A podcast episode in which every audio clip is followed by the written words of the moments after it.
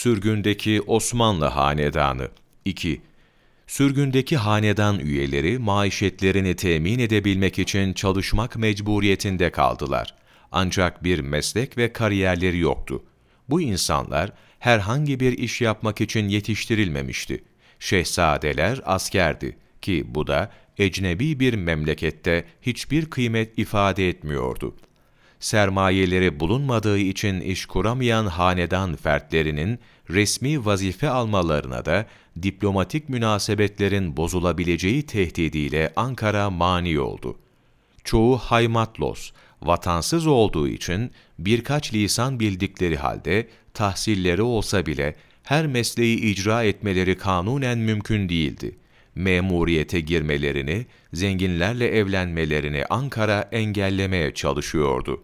İsmin ve askerlik diplomasının işe yaramadığı gurbette, para getirecek tek şey bir enstrüman çalmaktı. Nice şehzadeler, kafelerde çingene çalgıcılar gibi çalgıcılık yaparak ekmek parasını temin etmeye çalıştılar.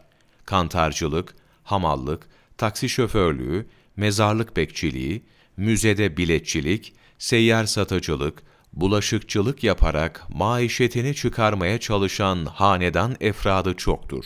Elinde avucundakini satıp tüketen Ayşe Sultan, Allah sabredenlerle beraberdir mealindeki İnna Allahe ma'as sabirin ayeti kerimesini eliyle beze işler, oğlu bunları geceleri sokaklarda ve metroda satardı. Yaşlılar bunu da yapamadılar. Gençler olur olmaz evliliklere razı oldu.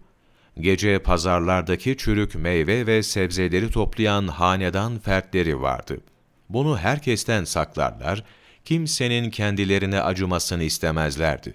Nitekim kaplan sırtı için en tahammül edilmez yük merhamettir. Çocuklar ayağı büyüdükçe ayakkabılarının ucu kesilerek idare ederdi. Şehzade Ahmet Nuri Efendi bir parkta açlıktan ölmüş olarak bulundu. Şehzade Abdurrahim Efendi sefalete dayanamayarak intihar etti.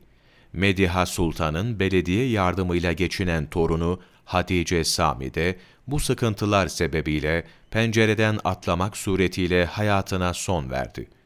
Naciye Sultan hatıralarında der ki, yabancı başka hanedanlar sürgün ihtimalini düşünerek memleket dışında ihtiyaçlarını sağlayacak tedbirleri almış olabilirlerdi.